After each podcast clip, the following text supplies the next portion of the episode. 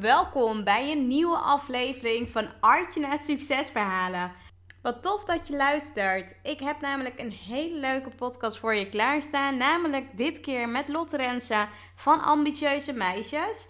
Nou, zij richtte in 2011 deze toffe Facebook community op. En inmiddels zitten er al meer dan 40.000 vrouwen in deze community. Daar gaat ze ook heel veel meer over vertellen. Van hè, hoe is het ooit ontstaan? Hoe is het zo groot geworden?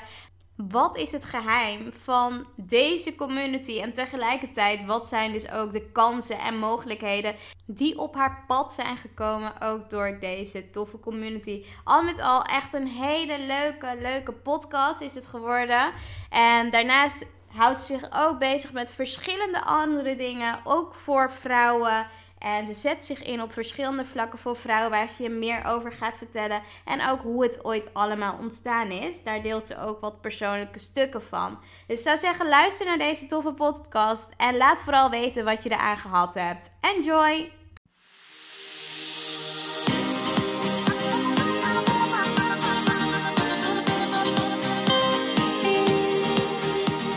Welkom bij Artjana's Succesverhalen. Mijn naam is Archna van Archna Stories en leuk dat je luistert.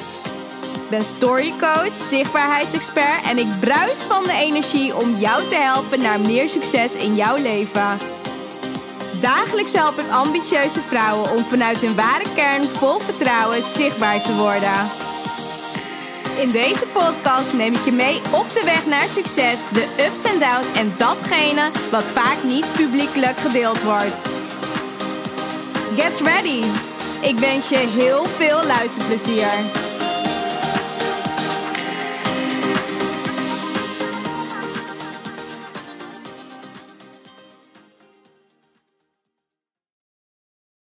Nou, we zitten vandaag online een podcast op te nemen. En vandaag ben ik met Lotte van Ambitieuze Meisjes. In 2011 richtte zij namelijk het platform Ambitieuze Meisjes op. En won hiermee dus in 2017 de FIFA 400 Award in de categorie Wereldverbeteraars. Daarnaast was ze dus ook genomineerd voor de Joke Smit Aanmoedigingsprijs, waar ze jullie straks ook veel meer over gaat vertellen. Een prijs namens de regering voor mensen ja, die een bijzondere bijdrage leveren aan de emancipatie van Nederlandse vrouwen. En ja, nog veel meer. Want uh, ja, Lotte, ik wil je van harte welkom heten. Superleuk dat, uh, dat je er bent. Ja, dankjewel. Onder deze bijzondere omstandigheden dat we toch bij elkaar kunnen zitten. Ja, echt heel fijn. Fijn dat je natuurlijk ook tijd hebt kunnen maken. En ja, zo snel natuurlijk ook tijd vrij hebt kunnen maken. Ik weet dat er nog wat dingetjes van de week waren. Dus dank je wel natuurlijk dat, uh, dat je gelukt is.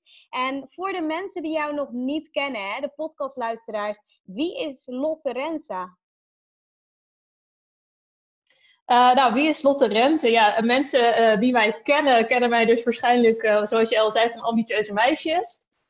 dat is het platform wat ik in 2017, of 2011 heb opgericht. En wat inmiddels is uitgegroeid tot een community van bijna 40.000 vrouwen. Uh, en wij behartigen hun belangen op de Nederlandse werkvloer. Daar kennen veel mensen me van. Uh, het kan ook zijn dat mensen mij kennen van Rutgers. Dat is het kenniscentrum voor seksualiteit. En daar werk ik uh, ook aan zelfbeschikkingsrecht van vrouwen. Dat is een heel groot en belangrijk thema in mijn leven. En daarnaast, als mens, ben ik dochter van Gerard en Willy, de zus van Nick, de geliefde van Imke, vriendin van velen. ik denk dat dat de lading dekt. Ja, zeker. Echt uh, van alle kanten heb je jezelf echt wel mooi, ja, mooi voorgesteld. Dus dank je wel daarvoor. Waar ben je opgegroeid? Ik ben uh, opgegroeid in Renkum. Dat kennen denk ik heel erg weinig mensen. Het ligt uh, in de buurt van Wageningen. Weet je, onder de rook van de papierfabriek. En het is echt zo'n dorpje met één winkelstraat. En waar iedereen iedereen kent. Dus ik ben echt een, nou, van origine dorpsmeisje. Leuk, superleuk. En woon je daar nu ook nog in de buurt of woon je nu ergens anders? Nee, ik woon uh, inmiddels in Arnhem. Dat is eigenlijk nog best wel in de buurt. Dat is ook een beetje, voor mij uh, was dat de eerste grote stad waar ik ook kwam. En uh, ik ben eigenlijk een beetje voor mijn gevoel meer daar ook opgegroeid. Of in ieder geval, daar heb ik wel echt mijn vleugels uitgeslagen. En ik ben inmiddels wel ook voor studies en zo een aantal keer de stad uit geweest. Ik heb een tijd in Utrecht gewoond en een tijd in Amsterdam. Maar Arnhem is voor mij wel mijn veilige haven waar ik nou, toch ook elke keer wel weer terug blijf komen. Dus momenteel woon ik hier. Ik heb geen idee voor hoe lang, maar voor nu vind ik het hier heel fijn. Wat bijzonder. Want er zit natuurlijk wel een heel groot verschil tussen Arnhem en al die andere steden. En wat maakt Arnhem zo uniek voor jou? Um, nou ja, ik denk dat het heel erg uh, dicht bij mijn uh, dorpse hart ligt. Uh, ik ken hier ook heel erg veel mensen. Heel veel van mijn vrienden wonen ook hier. En ja, als ik hier naar buiten loop, ja, momenteel dus niet. Maar normaal gesproken kom ik dan eigenlijk altijd wel iemand tegen die ik hier ken uit de stad. En dat vind ik heel erg fijn. Ik, ook in alles wat ik doe, word ik heel erg gedreven door mensen. En verhalen van mensen. Dus dat vind ik echt, daardoor voel ik me hier heel erg thuis. Dat je altijd wel met iemand even een praatje kunt maken. Maar ja, het is zeker heel anders dan, uh, dan bijvoorbeeld in Amsterdam, wat natuurlijk een ontzettend bruisende stad is. En Arnhem vind ik juist ook heel erg fijn, omdat het zo'n groen hart is met heel erg veel natuur, waar ik me ook heel graag uh, terug mag trekken. Wat leuk zeg, super mooi. Om wat meer de diepte in te gaan op jou als persoon, heb ik wel een hele mooie vraag. Namelijk, Steve Jobs had het in zijn bekende speech over connecting the dots. En hiermee werd bedoeld dat als jij terugkijkt op je leven, alles ergens goed voor is geweest. En welke drie gebeurtenissen zijn voor jou zo doorslaggevend geweest voor waar jij vandaag de dag staat?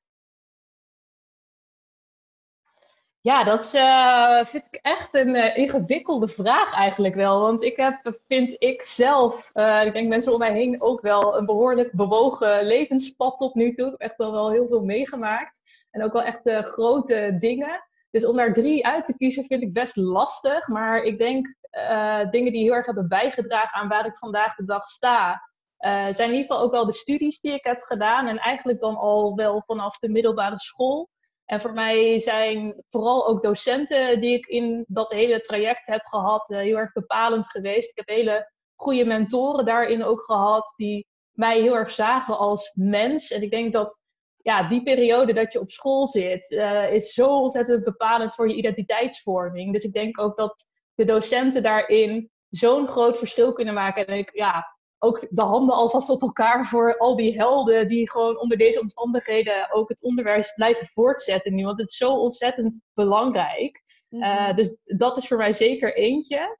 Uh, docenten die mij heel erg zagen als mens en ook al heel goed konden inschatten welke uh, sector ik later in zou moeten en me daar heel erg bij hebben geholpen om daar ook te geraken. Dat is voor mij heel belangrijk geweest. verder is ook dat mijn beste vriend uh, heeft in hele tijd een hersentumor gehad. Mhm. En uiteindelijk is hij in 2016 overleden. Dat is voor mij heel erg groot. Ja, uh, dat ik denk, ja, dat is een heel groot punt geweest in mijn leven. Ook waar ik heel veel beslissingen ook omheen heb, heb genomen. Dat heeft er ook heel erg aan bijgedragen dat ik uiteindelijk... Ik had al de hele tijd een fulltime baan. En ik had ook ambitieuze meisjes al. Uh, en uiteindelijk toch heb besloten om weer terug naar school te gaan. En alsnog een, uh, of school, nou ja, ik ben een master nog gaan doen. Ja. Uh, dat is heel bepalend geweest. En um, nou ja, kort eigenlijk daarop volgend heb ik een burn-out gekregen. En dat heeft alles bij elkaar, denk ik, nou toch een goede anderhalf jaar in beslag genomen voordat ik daar weer helemaal van hersteld was. En dat heeft nou ja, iedereen die uh, inmiddels zijn mensen iets bekender met de impact van burn-out op de levens van mensen. Dat heeft voor mij uh, ook wel heel veel gedaan met hoe ik naar het leven kijk en uh, wat ik wil doen met mijn leven. Ja, ja, dankjewel sowieso voor het delen. En wat je zegt als laatste natuurlijk een stukje van je burn-out. Heeft dat toen ook echt, um, ja, toch wel gewoon veel, ja, veel meer dat je daardoor tot jezelf kwam? Of dat je echt veel meer, um, ja, bepaalde stukken gewoon waar je misschien daarvoor niet zo heel veel tijd voor had, dat je in die periode of daarna veel meer bent gaan kijken van oké, wat wil ik nou en ehm, hoe wil ik mijn leven inkleden? Of had je dat daarvoor ook al? Nee, ik denk dat mijn burn-out me wel echt heel erg dicht bij mezelf weer heeft gebracht. Uh, het feit dat ik in een burn-out kwam, kwam natuurlijk ook vooral doordat ik heel ver van mezelf verwijderd was geraakt. Uh, dus het is ook niet heel gek, denk ik, dat de weg terug naar mezelf anderhalf jaar in beslag heeft genomen. Maar het heeft mij heel erg geholpen om weer goed bij mezelf ook vooral te voelen uh, wat de dingen zijn waar ik veel energie van krijg, wie de mensen zijn waar ik heel gelukkig van word en waar ik dus vooral ook mijn tijd en mijn aandacht op wil richten. Uh, zodat ik ook energie terugkrijg in plaats van dat ik alleen maar aan het geven ben. Ja, supermooi. Echt wel heel tof. Ja, supermooi. En dankjewel natuurlijk voor je openheid en dat je dit deelt. Um, in 2011, wat ik al begin van deze podcast natuurlijk ook vertelde, richtte je natuurlijk het platform Ambitieuze Meisjes. En op dit moment zijn we dus nu bijna negen jaar verder, zitten in 2020. En wat je net ook al vertelde, zitten er nu op dit moment 40.000 leden in deze hele toffe groep.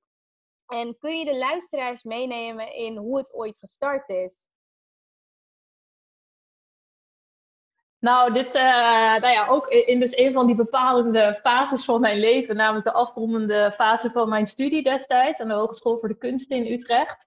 En uh, ik studeerde daar kunst en economie. En mijn voornemen was uh, nou ja, om dus vooral ook actief te worden binnen de culturele sector. Maar daarin ook een brug te bouwen naar meer bedrijfsleven. En om te kijken hoe je kunst ook een plek kunt laten hebben.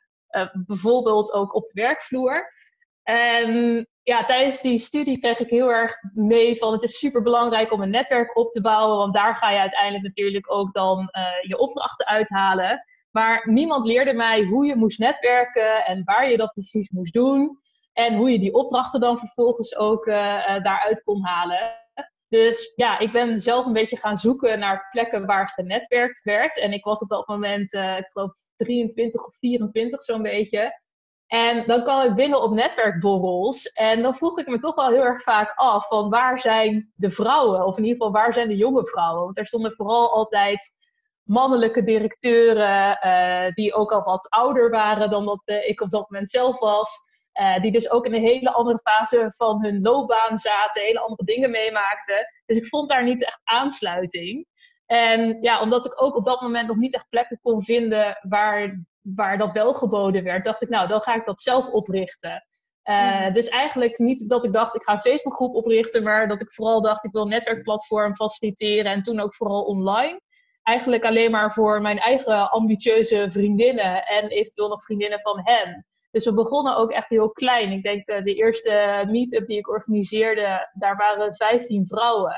En het idee van de Facebookgroep was meer om tussen de bijeenkomsten door ervoor te zorgen dat die vrouwen ook met elkaar in contact konden blijven. Dus zo begon dat een beetje. Maar op een gegeven moment, omdat mensen zo enthousiast waren over de gesprekken die ook online in die groep eh, gevoerd werden, kreeg ik steeds meer de vraag van ja, mag ik dan ook alvast vriendinnen die nog niet bij jullie evenementen zijn geweest, mogen we die ook toevoegen aan de groep?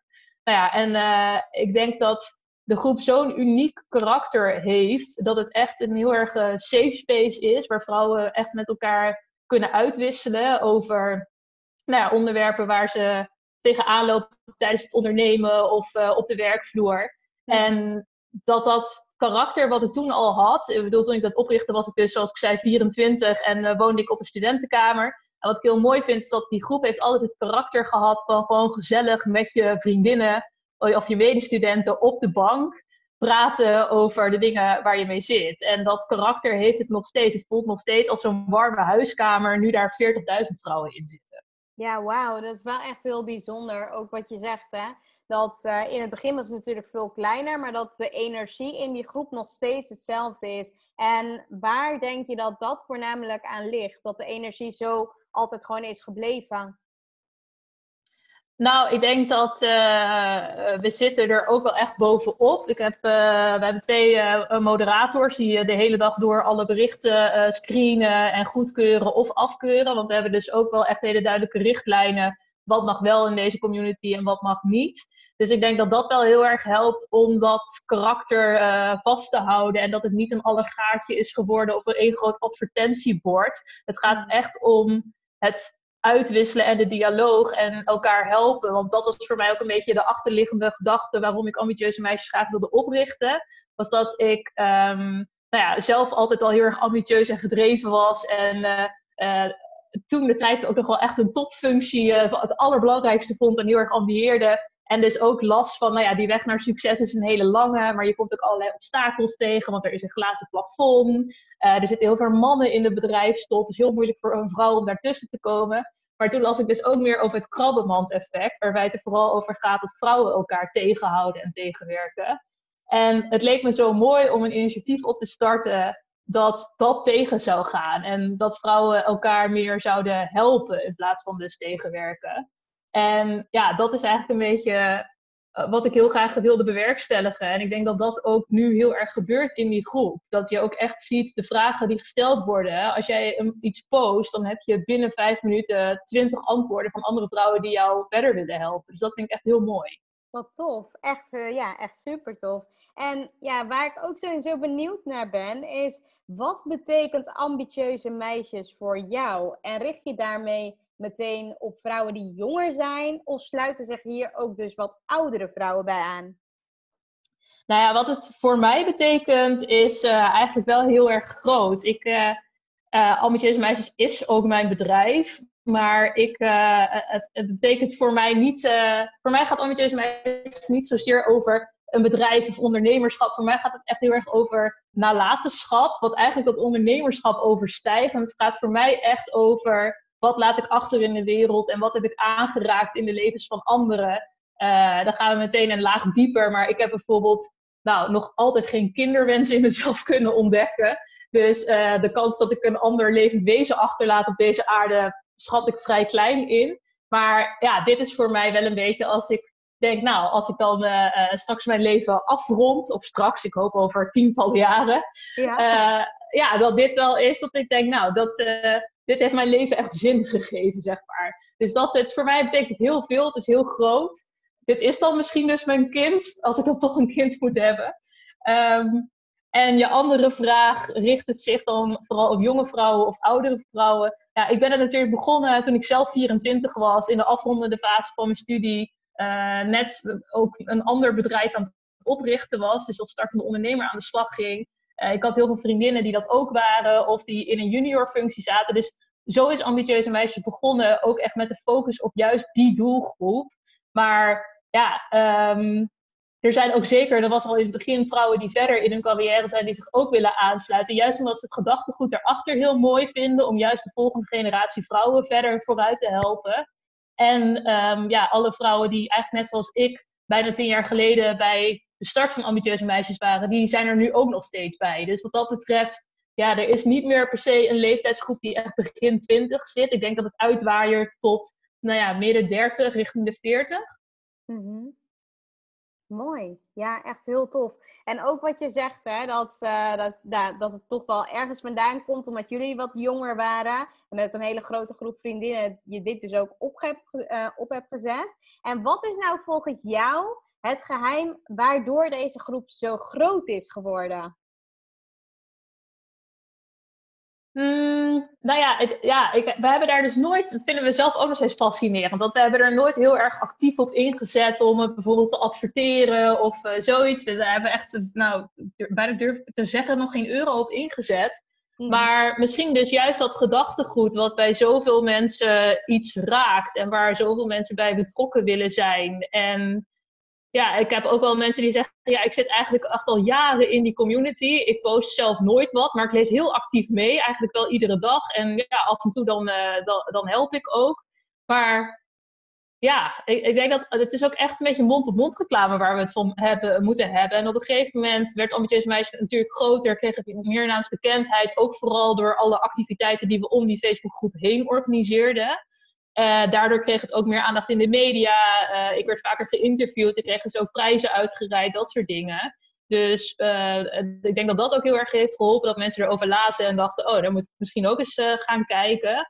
Maar ja, ik denk vooral dat die mond-op-mond reclame en wat ik straks zei in het begin tijdens mijn studie, dat er gezegd werd door docenten van ja, je moet gaan netwerken. En dat ik dacht, oké, waar moet dat dan? En dat ik nu ook wel eens terug hoor dat docenten in collegezalen zeggen, oh, en nog even voor de dames. Uh, als je wil netwerken, kijk eens bij ambitieuze meisjes. Dus wat leuk. ik denk op die manier. Ja, echt heel tof. En dan ben ik toch ook wel benieuwd, want wat is nou, je zegt nou ook volgens mij net van, nou weet je, we hebben nog nooit geadverteerd of uh, eigenlijk geen euro uitgegeven. Maar wat is dan precies het verdienmodel van ambitieuze meisjes, dus de Facebook community?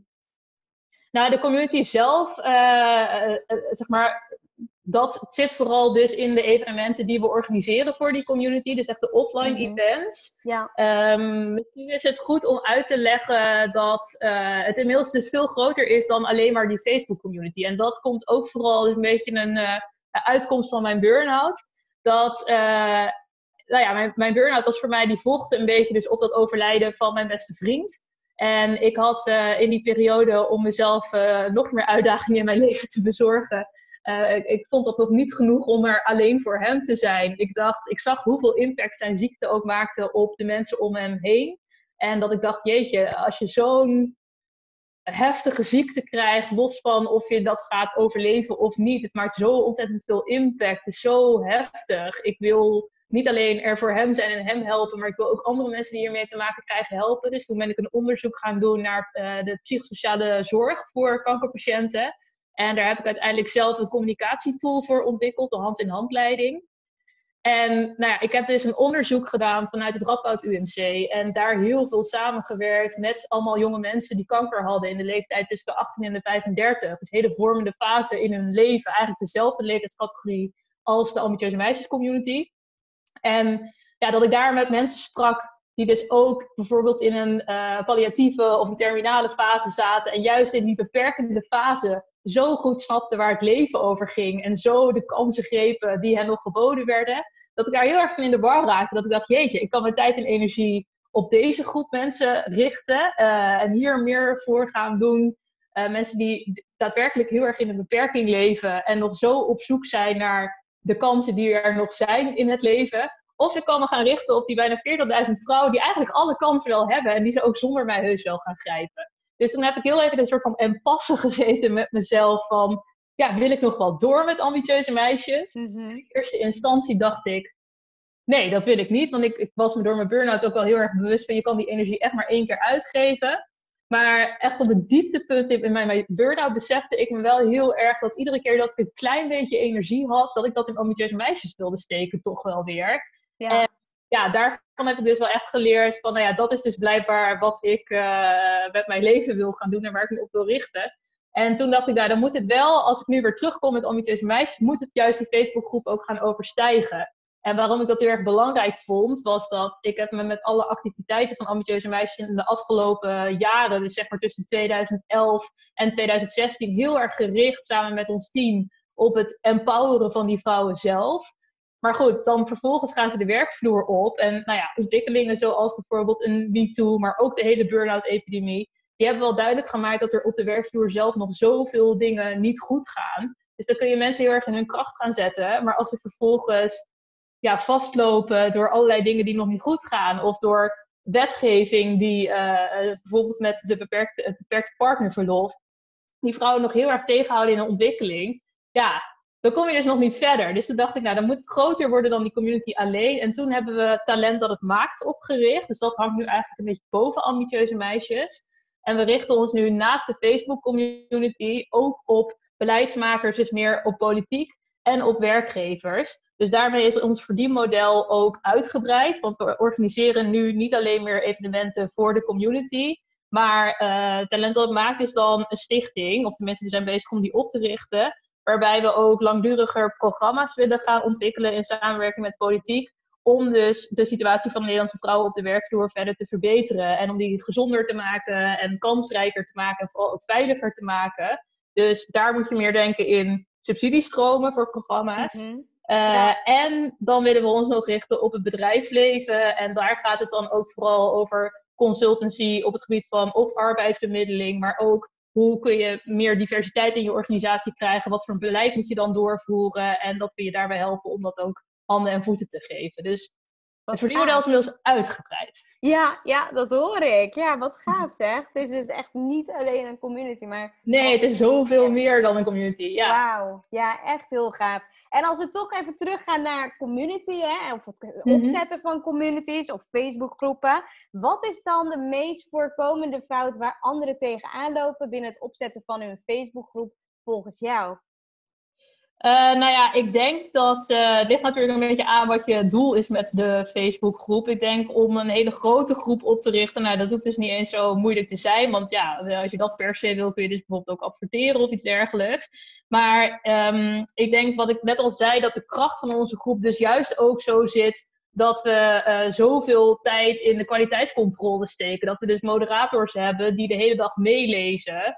Ehm, die ook zich eh, bemoeien met de conversaties die gevoerd worden, maar die ook toezien op de regels. Dus ik zou zeker regels instellen, zodat het voor mensen ook heel duidelijk is waar de groep over gaat. En welke bijdragen zij daaraan kunnen leveren uh, en welke bijdragen ook vooral liever niet. Want dan wordt het dus ook geen vergaarbak waarvan mensen op een gegeven moment denken van ja, ik heb hier eigenlijk niks te zoeken, want het is alleen maar ruis. Mm Ja, ja, dus het doel is gewoon belangrijk en dus ook te kijken van oké, wat wil ik eruit halen? En dat jij ook zegt van ja, weet je, wil, wil je een hele grote groep, dan kan dat ook door middel van adverteren, want dat is zeker mogelijk.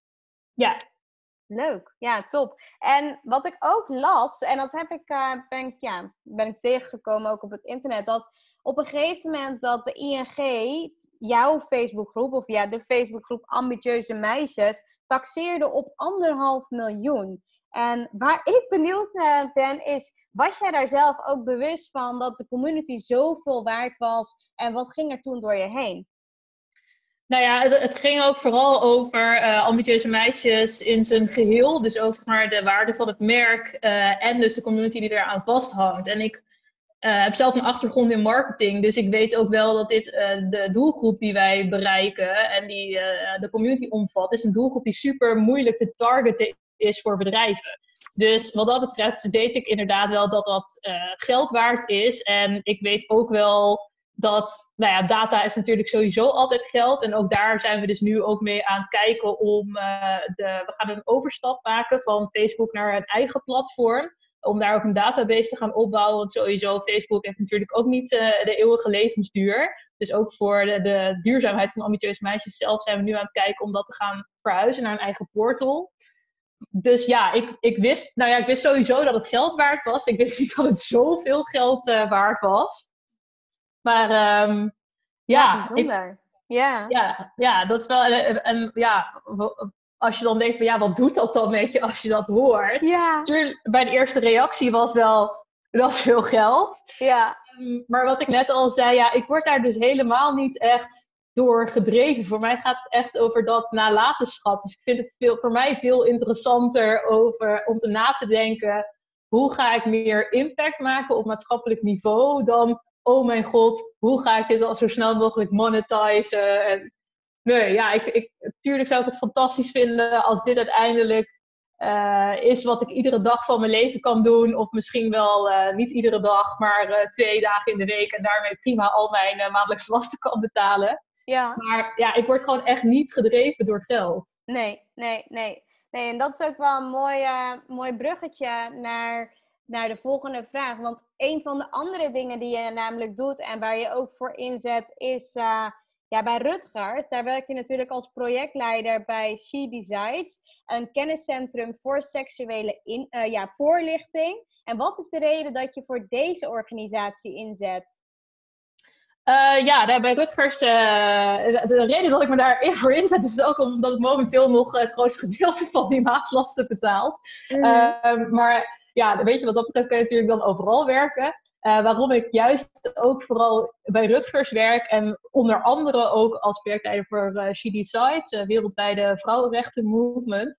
Ja, dat is omdat dat dus zo ontzettend raakt aan kernwaarden die voor mij heel erg belangrijk zijn. En dat zijn dan onafhankelijkheid en gelijkwaardigheid, rechtvaardigheid. Dat kan ik heel erg kwijt binnen mijn werk bij Rutgers. En ik vind dat ja, heel erg mooi om ook weer wat dat betreft mijn bijdrage te leveren aan de positie van vrouwen in de wereld. Mooi, ja, super mooi. En ja, normaal, we zitten nu natuurlijk in een periode met corona en dat, uh, met, dat de meeste mensen vanuit huis werken. Hoe zien jouw dagen op dit moment eruit? Nou ja, ik, uh, het is wel heel bijzonder dat ik dus heel erg veel moet terugdenken aan de periode dat ik mijn burn-out had. Mm -hmm. uh, want toen zat ik natuurlijk, uh, in totaal heb ik denk ik acht maanden thuis gezeten voordat ik weer ging reïntegreren bij Rutgers. Um, dus ik moet heel veel aan die periode denken. Het voelt best wel vaak hetzelfde, want je zit weer de hele tijd binnen. Uh, nu kan ik uh, gelukkig ook nog wel wat werk verzetten. Dat kon toen helemaal niet. Dus toen was ik echt alleen maar de hele dag een beetje boekjes aan het lezen en puzzels aan het maken. Dus ik ben heel erg blij dat ik nu nog wel mijn tijd en energie ook in mijn werk kan steken. Maar ik probeer wel, en dat deed ik toen dus ook, en ik denk dat dat me heel erg helpt om dit nu vol te houden, om zoveel mogelijk structuur in mijn dag te houden. Dus wel iedere dag gewoon op tijd op te staan, meteen uh, mezelf te gaan aankleden. Ik wil ook echt niet verzanden in dat ik hier alleen maar hele dagen in een huispak zit. Dus ik ga iedere dag wel weer, uh, ik kleed me gewoon leuk aan alsof ik naar kantoor zou gaan. Ja, ja en natuurlijk ook heel veel videocalls met mensen. Dus mijn collega's waarderen dat denk ik ook wel. dat ik hier iedere dag in de badjas zit. Maar ja, dat is, ik, ik, probeer gewoon een zoveel mogelijk een normale dag aan te houden. En dan heel af en toe even lucht te buiten ja, het enige waar ik eigenlijk nog kom is de supermarkt als het echt uh, hoognodig moet. Ja. Maar verder niet. Ja, dat is hele rare dagen. Ja, bijzonder inderdaad. En ja. dan merk ik natuurlijk ook wel dat je even naar buiten gaat om eventjes een, ja, een blokje omhoog uit of naar de supermarkt. En dan naar de supermarkt gaan is al heel bijzonder in deze tijd, want dan moet je weer wachten. En dan denk je van ja, ja, dit sta je dan Ja, ik probeer echt zo min mogelijk te gaan. Want ik zie daar natuurlijk ook veel oudere mensen die ja, misschien dus ook niemand anders meer hebben die voor hen de boodschappen kan doen. En dan denk ik, nou, dan kan ik misschien maar beter in één keer eh, voor de hele week alles halen, dan dat ik uh, de hele tijd die mensen ook in de weg loop. Ja, ja, dus, ja. Uh, ja, het is een bijzondere tijd. Zeker. En als we het over ondernemers hebben, welke Nederlandse ondernemer bewonder jij het meest en waarom? Um, nou ja, iemand die ik wel heel erg uh, inspirerend vind ook is uh, Rianne Swierstra. Zij won in hetzelfde jaar als ik uh, ook de FIFA 400 Award, maar dan in de categorie zakenwonders. En zij heeft een eigen label met sextoys. En ze zegt zelf altijd, ik verkoop geen producten, maar ik verkoop orgasmes. En nou ja, dat natuurlijk, als je dat kunt toevoegen aan de wereld, ook fantastisch. Krijgen mensen, worden er ook heel gelukkig van. Uh, ja, ik vind haar echt ontzettend inspirerend hoe zij, ja, uh, zo, ik vind haar gedachtegoed heel erg mooi, want het is namelijk dat ze vrouwen niet alleen wil leren wat ze lekker vinden, en dat ze dat aan kunnen geven, maar dat ze dus vrouwen daarmee ook vooral willen leren wat niet fijn voelt. En daardoor ook beter hun grenzen aan kunnen geven. En dat is iets ook waar ik natuurlijk bij Rutgers mee bezig ben in mijn werk. Dus ik vind dat echt heel erg mooi hoe zij als ondernemer zich op dat vlak inzet. En super knap dat zij daarmee een miljoenenbedrijf heeft opgebouwd, waarin ze 35 landen wereldwijd uh, haar producten verkoopt. En ja, ik, ik, vind, ik vind haar ook echt een taboebreker. Dat vind ik echt heel gaaf. Ja, wat goed. Super mooi. Ook dat, uh, dat je natuurlijk ook onderbouwt hè, waarom precies je haar super interessant vindt. En dat ze niet het product verkoopt, maar juist het resultaat. En dat is wel echt heel mooi uh, ja, hoe je dat zelf ook omschrijft. Tof. Ja, super tof. Ja. En nou ja, je bent natuurlijk super goed bezig, doet al hele goede dingen, maar hoe wil je dat er over vijf of tien jaar over jou gesproken wordt als men de naam Lotta voorbij hoort komen? Waar zouden ze dan aan moeten denken? Nou, ik hoop uh, eigenlijk altijd dat mensen dan niet eens per se denken aan uh, al die prijzen die ik inmiddels op mijn naam heb staan of de interviews die ik heb gegeven. Ik hoop dat mensen vooral denken wat een fijn mens is dat om bij in de buurt te zijn. En uh, ik vind een heel groot compliment wat ik vaker hoor, dat mensen zich in mijn buurt heel levendig voelen. Uh, ja, ik hoop dat dat vooral is hoe mensen ook over vijf tot tien jaar nog steeds over mij praten. Dat, uh, ja, ja, dat, dat vooral. Ik. Ja, superleuk. Ja. En stel dat we vanaf morgen, en nu mogen dus eigenlijk op dit moment niet echt meer naar buiten wordt heel veel gevraagd van nou blijf binnen. Maar stel dat we vanaf morgen dus geen internet zouden hebben. Hoe zou jouw leven er dan uitzien? Oh, ik denk dat ik echt zoveel rust zou hebben. ja, dat merk ik nu wel heel erg. Dat nu we uh, geen offline contact, of in ieder geval veel minder offline contact met elkaar hebben. Dus alles natuurlijk online gaat. Ja. En dat daar ook wel echt een risico in schuilt dat je heel erg snel overprikkeld raakt. Want ik zit nu uh, acht uur op een dag achter mijn laptop en ik heb daar allerlei videocalls. En op het moment dat mijn laptop aan het einde van de dag uitgaat, dan begint mijn telefoon met vrienden en familie die dan uh, willen facetimen. Dus soms denk ik wel van, uh, poeh, het zou wel lekker zijn als het internet s'avonds in ieder geval even uitvalt. Ja. Maar um, ja, ik denk wel, je wereld wordt natuurlijk echt heel erg klein. Klopt. Dat, ja. dat lijkt me wel heel erg raar. En voor mij zou dat natuurlijk ook betekenen dat die Facebookgroep met die 40.000 vrouwen, ja, die bestond dan ook niet meer. Nee, dus dat, uh, ja, dat zou, dat, zou wel, jammer uh, zijn. Zou een hele grote, ja, ik moet ze misschien dan niet alleen over gaan zetten in dat platform waar ik het straks over had, maar ook ja. nog in een uh, ouderwetse Rolodex of zo. Oh. nou, gelukkig hoeft dat nog niet. Nee. Uh, dat is wel inderdaad heel fijn. En heb jij trouwens heel vaak te maken met kritiek? En zo ja, hoe ga je daarmee om? Um, nou ja, ik denk dat uh, hoge bomen natuurlijk altijd veel wind uh, vangen. Dus ik denk wel dat veel mensen mij inmiddels wel kennen, of in ieder geval in bepaalde kringen mij wel kennen. En ja, ondanks dat ik natuurlijk een, een kentering probeer teweeg te brengen in hoe vrouwen naar elkaar kijken en met elkaar omgaan, is dat nog niet helemaal verbannen, helaas. Dus ja, ik denk dat er ook wel eens over mij gepraat wordt, of dat mensen in ieder geval een mening over mij hebben. Ja, hoe ga ik daarmee om? Ik probeer me daar eigenlijk een beetje voor af te sluiten. En um, ook altijd maar heel erg te denken dat mensen die dan een mening over mij hebben of kritiek over mij hebben over dingen waar ik me voor inzet. Ik bedoel, eh, hoe vaak ik al niet te horen heb gekregen dat ambitieuze meisjes zo'n afschuwelijke naam is. En uh, hoe je jezelf dan serieus kunt nemen en bla bla bla ja, ik denk dan eigenlijk ook altijd maar vooral, dat gaat uh, of over ambitieuze meisjes in ieder geval, gaat niet over mij. Uh, of het gaat over de Lotte Renze, zoals mensen die ook online zien en denken te kennen. Maar het gaat, gaat niet over mij als persoon. En ik weet dat mensen die heel dicht bij mij staan, dus mij heel anders zien en ervaren. En ja, daar probeer ik vooral ook mijn energie en mijn aandacht op te focussen. En niet op mensen nou ja, die ook een mening hebben. Ja, super mooi. Ja, ik denk dat dat natuurlijk belangrijk is. En uh, en daar minder van aan te trekken, omdat je vaak in de kern wel weet dat je iets vanuit een juiste intentie bedoelt. Dus dat is ja, super mooi dat je, dat je daar zo mee om kunt gaan en ook mee omgaat. En ik ben ook wel nog een beetje benieuwd naar ja, je eigen ondernemersavonturen van de afgelopen jaren. Wat zijn nou echt de hoogtepunten voor jouzelf als persoon geweest? Um, nou ja, ik vind het heel erg mooi om te zien, terugkijkend op alweer bijna tien jaar ambitieuze meisjes. Het wordt volgend jaar uh, hoop ik echt heel erg dat we met z'n allen uit quarantaine zijn en dat we daar geweldig uh, feest omheen kunnen organiseren.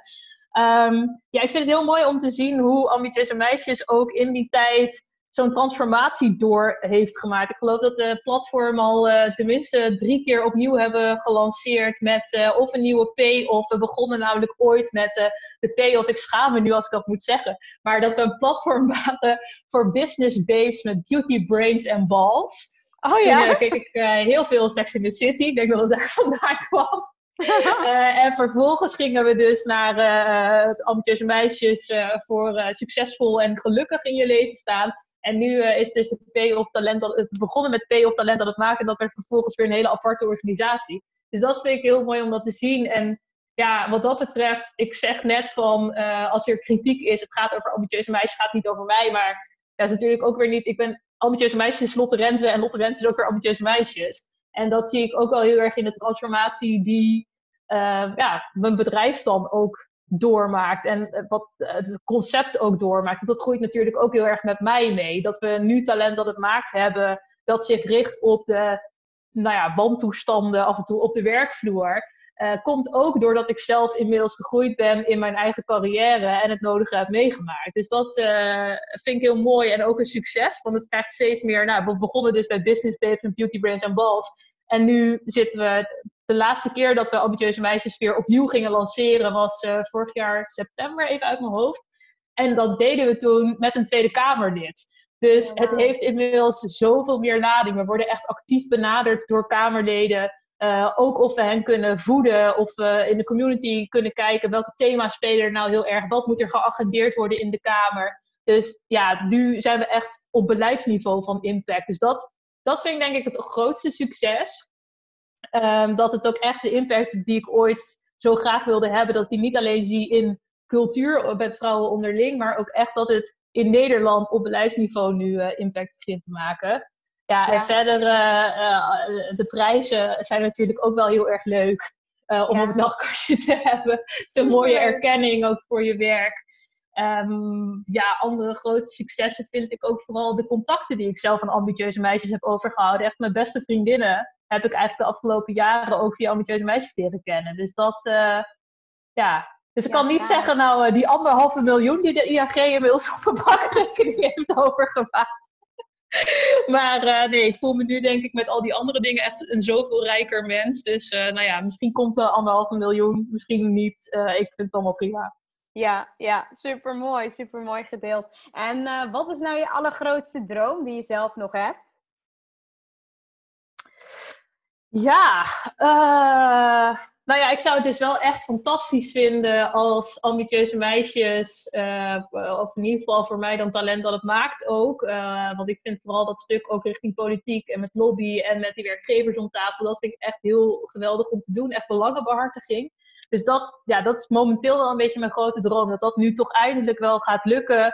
Zo binnen nu en misschien een jaar. Dat ik daar uh, mijn fulltime op kan gaan focussen. Dat ik ook mijn baan kan opzeggen hoeveel pijn ik ook in mijn hart zou voelen om Rutgers achter me te laten. Maar dat is wel echt een grote droom dat ik fulltime mijn eigen ding kan gaan doen. Met ons fantastische team. Met, we hebben zoveel expertise nu in huis. Zulke bijzondere, goede professionals. Dat, dat lijkt me echt fantastisch om daar iedere dag mee samen te kunnen werken. Gaaf zeg. Echt heel leuk. Dat lijkt me ook echt een hele mooie droom. Die zeker uit mag komen. Zijn er trouwens ook nog... Ja, ik hoop het wel. Ja, ik hoop het ook echt, echt heel erg voor je. Ik weet dat dat, ja, dat is gewoon het leukste natuurlijk om, um, om te kunnen doen. En gewoon waar je nog meer energie van uh, zult gaan krijgen. Zijn er trouwens ook nog dingen... Ja, en ik denk, wat ik... Maakt niet uit, vertel maar. Nou ja, wat, ik heel mooi zou vinden is dat daarmee ook niet alleen mijn droom uitkomt, maar dat ik dan ook weer kansen kan creëren voor andere vrouwen. Uh, die, nou ja, al die mensen die nu op dit moment in ons team zitten, die doen dat vrijwillig naast uh, banen of bedrijven. En die, die zijn zo gedreven om ook iets aan, of uh, een bijdrage te leveren aan de emancipatie van vrouwen. Om te zorgen dat de rechten van vrouwen in Nederland nog beter worden en de kansen van meisjes nog groter. En dat ik hen daar ook voor kan betalen om die bijdrage te leveren. En daarmee dus ook weer bijdragen aan hun financiële onafhankelijkheid en hun positie in de maatschappij, ja, dat, uh, dat is echt een grote droom. Ja, dat is wel echt een hele mooie win-win situatie. Ja. En, ja, ja, zeker. En zijn er ook dingen die veel mensen niet van jou weten? Nou, ik denk dat dat wel meevalt, omdat ik zo ontzettend open ben. En uh, ook vooral online, want ik heb natuurlijk, nou ja, ambitieuze meisjes dan uh, als community, maar daarnaast uh, ben ik zelf ook als persoon wel heel erg zichtbaar online. En ik deel daar heel erg open over allerlei dingen die ik meemaak. Bijvoorbeeld dus toen mijn beste vriend overleed en hoe ik die rouw heb ervaren, dat heb ik heel erg laten zien. Omdat dat, ja, er was voor mij echt niks anders dan dat op dat moment. Dus ik had ook helemaal geen zin om nog hele leuke, vrolijke foto's te posten. vervolgens toen ik mijn burn-out kreeg, heb ik dat heel open gedeeld. En ook onlangs in december heb ik mijn coming-out gehad. En ja, dat heb ik ook uh, met iedereen gedeeld. Dus er is echt heel erg weinig wat mensen niet echt van mij weten. Ja, super mooi. En wat zijn je plannen en doelen voor de rest van het jaar? Ja, ik vind het uh, lastig op dit moment om heel ver vooruit te plannen. Omdat je natuurlijk helemaal niet uh, weet. Dat vind ik tegelijkertijd heel mooi aan deze periode. Dat je weer even heel erg beseft hoeveel controle je nou eigenlijk daadwerkelijk hebt over je leven. Um, en, en hoe groot jouw plek dus is in het alles. Um, dus ik vind het lastig om plannen voor de rest van het jaar te maken. We zijn nu op dit moment met ambitieuze meisjes bezig om een online donatieplatform te bouwen. Omdat we dus binnen onze community zagen dat er heel veel vrouwen waren die op dit moment of hun baan verliezen of in ieder geval hun opdrachten ook kwijtraken als ze zelfstandig werken.